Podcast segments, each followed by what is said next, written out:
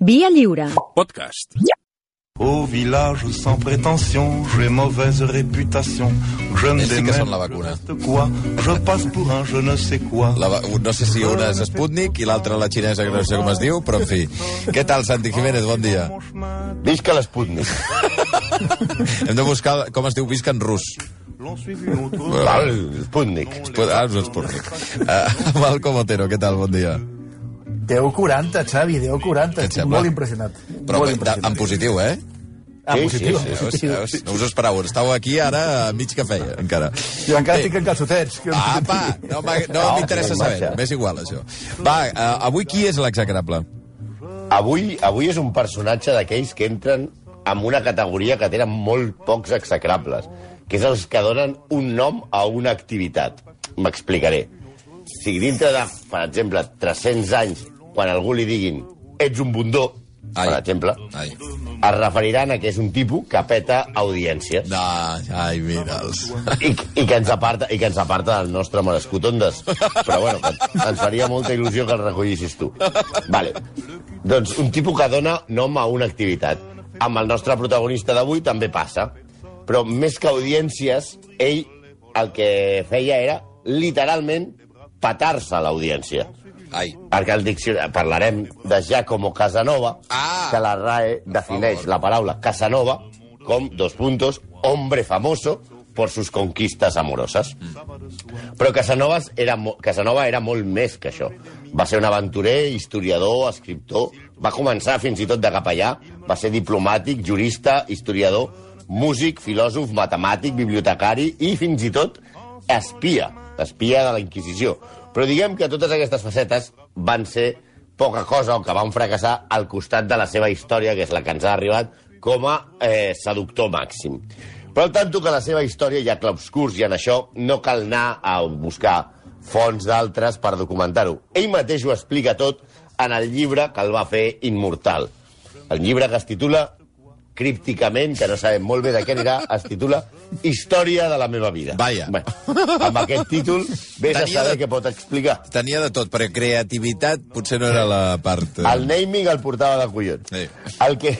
a- a- en- I a ell, en aquest llibre, explica la seva vida i reconeix sense cap vergonya com va ser un falsificador, un timador, un aprofitat, un violador, un pederasta i un putero. I tot, tot s'ho diu ell mateix. Això és un canvi. Parlem... Això és un canvi sí. respecte d'altres, que s'ho amaguen. No, ell No, no, directament no, ja ho ell, explica. ell, realment el tio tenia una barra bastant important. Parlem de la apassionant vida de Giacomo Girolamo Casanova, conegut per Casanova.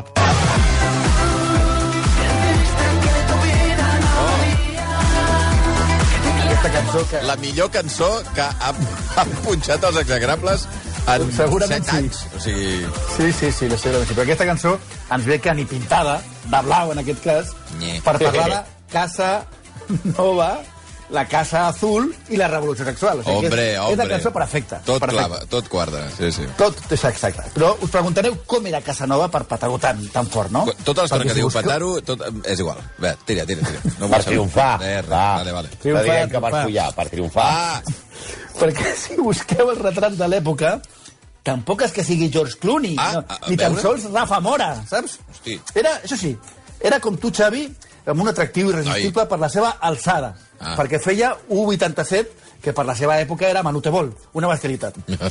El príncep Carlos José de Ligne, que el va conèixer, el descriu així.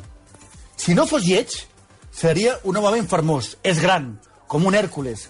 Però la seva pell és africana, riu poc, però fa riure la gent.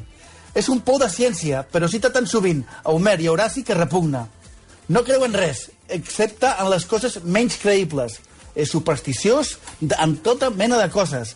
Un déu dels jardins, un sàtir dels boscos, això m'encanta, i un llop a la taula, mira com jo. En definitiva, en definitiva és una, és una, és una barreja de Roberto Dueñas, Iker Jiménez i Santi Dragó. Oh, quina barreja. També- No, estic veient imatges i realment no se'l veu especialment agraciat. No, no, no, vull no se'l veu un tio especialment guapo, com a No. no. mínim pels paràmetres de la bellesa que tenim ara en el segle XXI. Però, però bueno, el, el tio patava molt fort, la veritat és que... I sobretot, tothom, tothom ho... que triomfava molt, va. I, i, que, I que el tio, sobretot, destacava, tota la gent diu, que era molt alt i molt corpulent, que era una cosa que destacava molt a l'època. També, a més de saber que podia tenir aquest atractiu com el que relatava el gran actor Alberto Closas, que va ser un tio d'aquest, sí, el George Clooney espanyol, un sex símbol a Espanya de, dels anys 60. Quan Alberto. Closas li, li preguntàvem pel secret del seu èxit amb les dones, l'actor, que era català, era català, era català, explicava que a més de tenir una bona estatura, era un tio Sí. molt alt, d'anar molt ben vestit, era un tio molt elegant, un home ta a- també havia de saber-se comportar i escoltar les dones, ser divertit, ser molt galant, ser molt educat i tenir un rabo del No, que es puguin penjar tres traixos. No, escolta'm, escolta. calma, calma, Això ho deia Alberto Closas. calma. Deia, deia, hay que ser todo Tres, esto eh? y encima tener una buena... Vale, vinga. No consta que Casanova tingués aquest atribut, però va triomfar més que la Coca-Cola, per tant, suposem que alguna cosa havia de tenir. A més, el que sí que destaca la gent és que era molt simpàtic, i això el va fer alternar amb els personatges més famosos de la seva època. Per exemple, va conèixer a Madame Pompadour, la del té, Sí. a Mozart, a Voltaire, Catalina de Rússia o Frederic I de Prússia.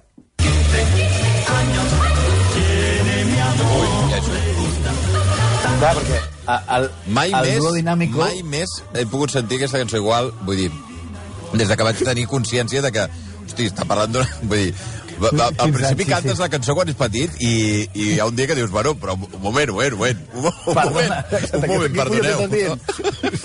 és això, és això. No, perquè el, el duo ens explica el seu món idíl·lic, ja saps, una dictadura, carrera de ben jove, però a la seva biografia, Casanova dona dues dates del seu debut sexual. Una és als 11 anys, però no devia ser ma- massa, memor massa memorable, suposo que serien tocamientos, perquè després relata el seu desvirgament, de veritat, als 15. Diguem que als 11 puja al primer equip Sí. i als 15 debuta a la Champions. Però fa un trio amb dues germanes, Eh? Naneta i Mata, i Mata Sabor, Sabornyany. O sigui, comences la teva vida sexual amb un trio. Vaja. Amb un trio, clar, fas Casanova. No, clar, no, a, a partir d'aquí ja el nivell ja només pot anar pujant. I mira que de naixement el xaval no prometia. Ell mateix explica, obro cita, a la, a la seva bio- autobiografia, diu, la meva mare em va portar al món a Venècia el 2 d'abril de 1725. Fins al novè any de la meva vida vaig ser estúpid, però després d'una hemorràgia de 3 mesos em van curar Sí, no està, no està clar el que li passava a Casanova de, de nen, però sembla que tenia un inici de retard ah. i, que, i que no el cuidava massa, però que la seva àvia Sí. el va portar de nit, sense que els seus pa, la seva mare s'assabentés, el va portar a la illa de Burano, on una bruixa el va tenir tot el de nit fent-li pocions i el va curar. D'aquí ve la seva afició a tots els temes relacionats amb l'ocultisme, com veurem ara. un horror. Sí, sí. Ell, ell era fill de dos comedians. El seu pare va morir quan ell tenia només 8 anys i mai es va portar massa bé amb la seva mare. Es comenta que era fill, fruit d'un adulteri de la seva mare amb un noble venecià anomenat Michel Germani, que és el que el va apadrinar i recomanar per tal que entrés a la carrera eclesiàstica. Però, clar, com us podeu imaginar, això del vot de castedat no era per ell. El van expulsar del seminari per liar-se amb Teresa Imer, una cantant que era l'amant a la vegada d'un noble. Tot i així, va aconseguir entrar al servei del cardenal Aquaviva, que sembla una marca de colònia, no? Aquaviva. Però, eh, que era l'ambaixador d'Espanya a la Santa Seu. Però d'allà també el van fer fora perquè tenia amagada una noia a la seva cambra que s'havia escapat de casa seva. Y se encuentra una mujer Hombre, dentro de un armario. qué dolor, qué dolor. ¡Qué dolor! ¡Qué grande! Pronto, Rafaela, pronto! Ara el Dani es deu estar vibrant perquè Molt, se li deu molt, recordar la seva Se li veu la cara, vamos. Grande, Ja sabeu que el Dani en general vibra molt, eh, amb tot, vull dir que... Sí, molt, molt. és, és, és meravellosa, Rafaela Carrà. Bueno, a Casanova, això d'amagar dones als armaris li va passar moltes vegades. Era un home amb molts recursos. Per exemple, en base a la seva cultura i coneixements, el tio era un tio molt culte, però es va fer passar per metge. Fins i tot, fent-se passar per metge, va curar a un ric venecià Hosti. que a la sortida de l'òpera va tenir un infart. I el va curar? En agraïment, aquest senyor, que era molt ric, li va donar una gran suma de diners que Casanova va utilitzar per iniciar-se a la màgia negra i a la càbala. Coses que l'atreien molt. No és que hi creiés, però és que li feia molta gràcia, això. I suposo que amb aquests coneixements també podia cardar bastant. No obstant, això li va provocar, per una altra banda, problemes amb la Inquisició i va haver de fugir de Venècia acusat de, tenir, de fer pràctiques de bruixeria. Ell va acabar fugint de Venècia tres vegades. Sí, en les seves fu- fugides va recórrer mitja Euro Europa. Jo diria que ho estava patant, però diem que s'estava liant amb tot el que es posava per davant. Fins Sí, i tot es va Casanova un enamorar. Casanova un Però tour. fugint, que té més mèrit. Fugint, que mira, sí, diu, si estàs de si estàs de d'atur, i mira... Sí. Ah, clar, si Estàs d'atur, ja estic relaxat, val, dormir. però, Sí, però exacte. anar aprofitant mentre estàs fugint té tela, eh? és, és un professional. sí, expliquen una, una de les coses que expliquen és que en una d'aquestes fugides es va amagar en una casa que era la casa de l'agutzil, del capità dels agutzils que el perseguia.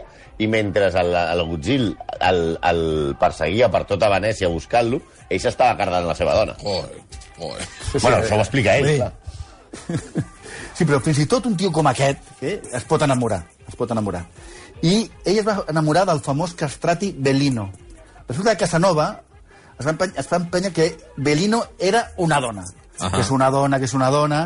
I l'instint assassí, aquest no acostuma a fallar. I al final va resultar que tenia raó, i era Què una dius? dona. Què dius? I que es deia Teresa. No era un castrati? Que, sí, que es feia passar per un eunuc per sobreviure, perquè es va quedar orfe de petit i va dir, bueno, pues em faré passar per un eunuc. I què va fer? Pues se la va punxar. Vinga. I va mantenir el seu secret. En aquesta època es va fer passar també per financer, per diplomàtic, per ocultista, per publicista, que ja és el, el colmo de, de, de, del farsant. O sigui, que ja és un farsant, ja t'has passat per més farsant encara. Sí, I en metafarsant. Baucador, en, sí, el, el metafarsamisme, va ingressar a la maçoneria francesa fins que va tornar a Venècia. I allà la Inquisició el va enganxar i va ser empresonat a la terrible presó, una presó famosa que tenien a Venècia, que era la presó del Piombi, la presó dels ploms. D'allà no s'escapava ningú. I qui es va escapar? Doncs Casanova es va escapar. I, i amb una fuga de pel·lícula. És l'única persona que diu ell que va aconseguir fugar-se d'aquesta presó que era terrible. Anys després encara va tornar a anar a Venècia Sí. i perquè no el fotessin a la presó un altre cop... ja, eh? Es... Sí, sí, no, no, de vicis tenia bastant, sí. Va tornar a la Inquisició i els hi va dir, escoltin, eh, ja estic aquí, però m'ofereixo a treballar per vostès. I la Inquisició el va agafar com una mena de villarejo i el van tenir com a espia per delatar a, a altra gent que, que fos contrari a, la, a les idees aquestes de, dels cristians tarats aquells. Eh, resulta que ell també va enganyar la Inquisició, perquè els seus informes sempre van ser molt elíptics, allò molt, molt poc concrets, i, si, i a més a més els inventava per tal d'enganyar els capellans i que ningú anés a la presó. Hombre! Com el trobem a faltar, el calvo de la loteria? El calvo a la loteria ja bufant la maneta. Ai. Ai. Doncs a, aprofitem que estem en aquestes, o gairebé en aquestes dates tan senyalades, i no podem passar per alt que entre els tímuls que va perpetrar el nostre home està la suposada invenció de la loteria francesa al 1757. No fotis, se la va inventar Sí, ell. va ser quan, sí, sí, va ser quan Casanova arriba a París fugint d'un altre cop a Venècia i a França l'estat estava a punt de fer fallida financera, una mica com el Barça. I eh, es valorava crear un joc per recaptar més diners que, que, no, que no vinguessin dels, dels impostos. El projecte estava encarregat a dos matemàtics, els germans Calçavigui, que tenien aquest projecte més o menys desenvolupat. I aquí és on entra en joc, mai millor dit, Casanova. Mira, el nostre home comença a moure la cua per la cort francesa per tal de fer-se amb la concessió del Sou- projecte. Sou terrorífic, eh, amb les... Eh, en fi, la manera d'explicar. Bé, sí, sí, endavant, endavant. Sí, ell, ell comença a moure la cua. Moure la cua és una cosa que havia fet tota la vida. Sí, sí, sí. Bueno, ell, el projecte aquest de la loteria, ens hem parlat, però no en tenia ni papa ni, idea de què anava. Però, bueno, ell diu, això me'n quedo per mi. Va, anar, va aconseguir ve, anar a veure el ministre d'Estat, que era Monsenyor de Berní, el que va enlluernar amb converses, perquè ja hem dit que era molt simpàtic i molt ditxaratxero, com el pequeño Nicolás, però el pequeño Nicolás el tenia entre les cames. No, Aleshores, i... ell va, Ostres, va de començar veritat, eh? A enlluernar-lo, eh, explicant-li la seva fuga de la presó d'Ipiombi, i d'aquest senyor va aconseguir una recomanació per anar a veure el duc de Choiseul, que era el ministre d'Exteriors, el qual alhora li va facilitar una cita amb el comte de Boulogne, que era el ministre de Finances. I aquí arribem al senyor important.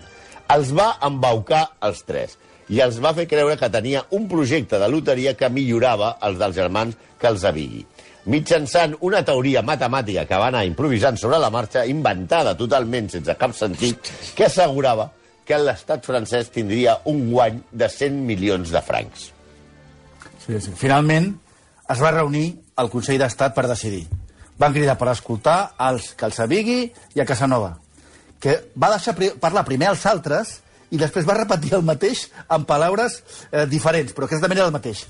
Però millorant els marges de benefici per finalment proposar una societat entre tots tres i fer el projecte conjuntament. Brutal. Hi va... No, no, és que era Quin un timador perfecte. Quantes vegades hem vist això a la Oh, vida? oh, oh. Aquell que parla després i diu el mateix, eh? Oh, m'encanta. això. Exacte. Home, i les tertúlies no, no diguem nom. El, els, hi va, els hi van concedir i ell va començar a guanyar molts diners, però molts. Al cap de dos anys, els Calçavigui, no sabem si, de veritat, si era veritat o no, van ser destituïts per corruptes. I ell es fa a l'amo de la loteria. Ell reconeix a les seves memòries que abusava de la ignorància dels seus clients perquè ningú entenia molt bé de què anava el joc. I ell encara el complicava més a l'inventar-se les apostes combinades. És a dir, que ara quan veieu a la, a la, a la mitja part dels partits de futbol, si apuestas que, que Trincao marca tres goles en el Barça-Cádiz, pero que además en el Shakhtar, no sé, Dinamo Petrovsk, mm, Pepito marca quatre, això s'ho va inventar Casanova. No es podia saber, perquè eh, al final com devia acabar la cosa? Pues va acabar malament. Va acabar marxant, cames, ajudeu-me, de París, amb un exèrcit de creditors i estafats darrere seu per culpa d'un, re, un petit frau que a més a més va fer en el negoci tèxtil i a més a més va falsificar lletres de canvi. Aleshores ell el que fa és canviar-se de nom i es fa dir Chevalier de Senyal. I arriba a Espanya. El tio ja quan, quan fuig de França, com cap a... Hi ha una part d'Europa que ja no pot trepitjar perquè ha estafat a tothom, arriba a Espanya. On què fa? Mira de colar-se també a la cort de Carles III amb un projecte millor encara que el de la loteria li proposa al rei espanyol la repoblació de Sierra Morena portant colons alemanys i suïssos en col·laboració amb el famós polític de l'època Pablo de Olavide. És brutal, això. eh? Sí, però com el seu projecte de repoblació anava més pel sistema tradicional, aquí dir, també el- s'ho va el- pujar el tot. manual, diguem. Sí, sí, el de sempre, el de moure el llom. Doncs, fins al punt, fins al punt, que va acabar a la presó precisament a Barcelona. Què dius ara? 42 dies va estar a la garjola de la Ciutadella per empitonar a l'amant del capità general de l'exèrcit. Però és que a més ell Però jugava va? alt, eh? On va? És que... Ambrosio, és que mira aquest nom, eh? Ambrosio Funes de Villalpando, que no s'ho va prendre massa bé, òbviament. La idea, la idea que es fa Casanova als espanyols és Imagina't, bastant i era peculiar. l'amant. Imagina't que arriba a ser la dona. Diu, l'espanyol converteix en una qüestió d'honor la més mínima relliscada de la dona que li pertany. Les intrigues d'amor són en extrem misterioses i plenes de perill. Clar, ell venia d'un món on aixecar-li la dona a algú altre es prenia amb un cert, diguem-ne, fair play. Però es veu que es va trobar que a Espanya, això d'aixecar-te la dona, la gent anava i et fotia a la presó o et fotia una pallissa o fins i tot et matava. Casanova fa un retrat d'Espanya d'aquella època que podrien utilitzar també els de Campofrío o els de Marca Espanya per la seva nova campanya de Nadal. Escriu sobre Espanya. Dos punts cometes. Les pusses, les xinxes i els polls són els animals més comuns a Espanya. De fet, els espanyols ni es molesten per la seva presència. Els miren com a companys. I afegeix, pobres espanyols, la bellesa del seu país, la fertilitat de les seves terres i la riquesa són la causa de la seva mandra. Espanya té la necessitat de ser conquerida, sacsejada i gairebé destruïda i així renaixeria sent apta per ser una llar de gent feliç. Hombre! Pot ser que sigui el, el millor dia musical que heu, fet mai? Sí, pot ser, pot ser, sí, sí. Jo Us esteu sí, estovant, eh? Bueno, aquí arribem al punt clau de la seva execrabilitat. Perquè era tan seductor, home, s'ha de dir que ell mateix reconeix en aquestes, en aquestes memòries que va ser acusat de violació, agressió i que va tenir la tríada, que no són Cluiver, Saviola i Riquelme, en més d'una ocasió. Ja sabeu, gonorrea, sífilis i herpes. Hosti. Ell confessa que a la, a la història de la meva vida haver seduït a 132 dones, però moltes d'elles eren prostitutes, menors d'edat o dones del servei que no podien dir que no quan un noble, o suposat noble, com era el cas, les arrampava per un passadís. També hem d'afegir que la seva opinió sobre les dones tampoc era massa elevada. El 1791 escriu una obra titulada L'Anna Caprina, en la que divaga divaga sobre la capacitat... Si la dona té capacitat de raonament o, o està afectada per culpa de l'úter. Què Sí. dius? Ah, Sí, sí, ell, sí. ell explica que el número de dones que va seduir era 132, que tampoc és que sigui massa extraordinari si el comparem amb, a- amb altres números que tenim ara eh, de, de, de, grans, de grans punxadors de la humanitat. És a dir, Fidel Castro diu que deien que s'havia allitat amb 35.000 dones. Sí, home, sí, clar. Sí, sí. Will Chamberlain, el pivot de la NBA, es veu que això de ser alt, perquè Castro també era, eh, això de ser alt es veu que ajuda bastant. Molt, molt. Will Chamberlain, l'expivot de la NBA, assegurava haver-se lligat amb 20.000. Sí, clar. Warren Beatty, 12.000, o Jack Nicholson diu que dos- 2.000. I tot això donant per fet les metàfores que, la, que completa l'acte sexual però que no ho explica clarament, perquè hi ha moltes metàfores a les seves memòries. Per exemple, ell, per parlar de la culminació Ah, de no, és, l'acte, no, és, no és brut, diguem-ne. Ho, ho, No, ho, per ho exemple, emmascara, diu- eh? Mm. aquella, aquella punzella la vaig conquerir amb el meu ivori. Escolta, Diu, has, però, has però què és això? Se l'ha tirat. O també va dir, vam practicar junts l'agradable sacrifici. Ai. Això vol dir que se la va follar. Vinga. O quan explica que vaig arribar amb ella fins al fris de l'altar. Sí, però vaig passar. Sí.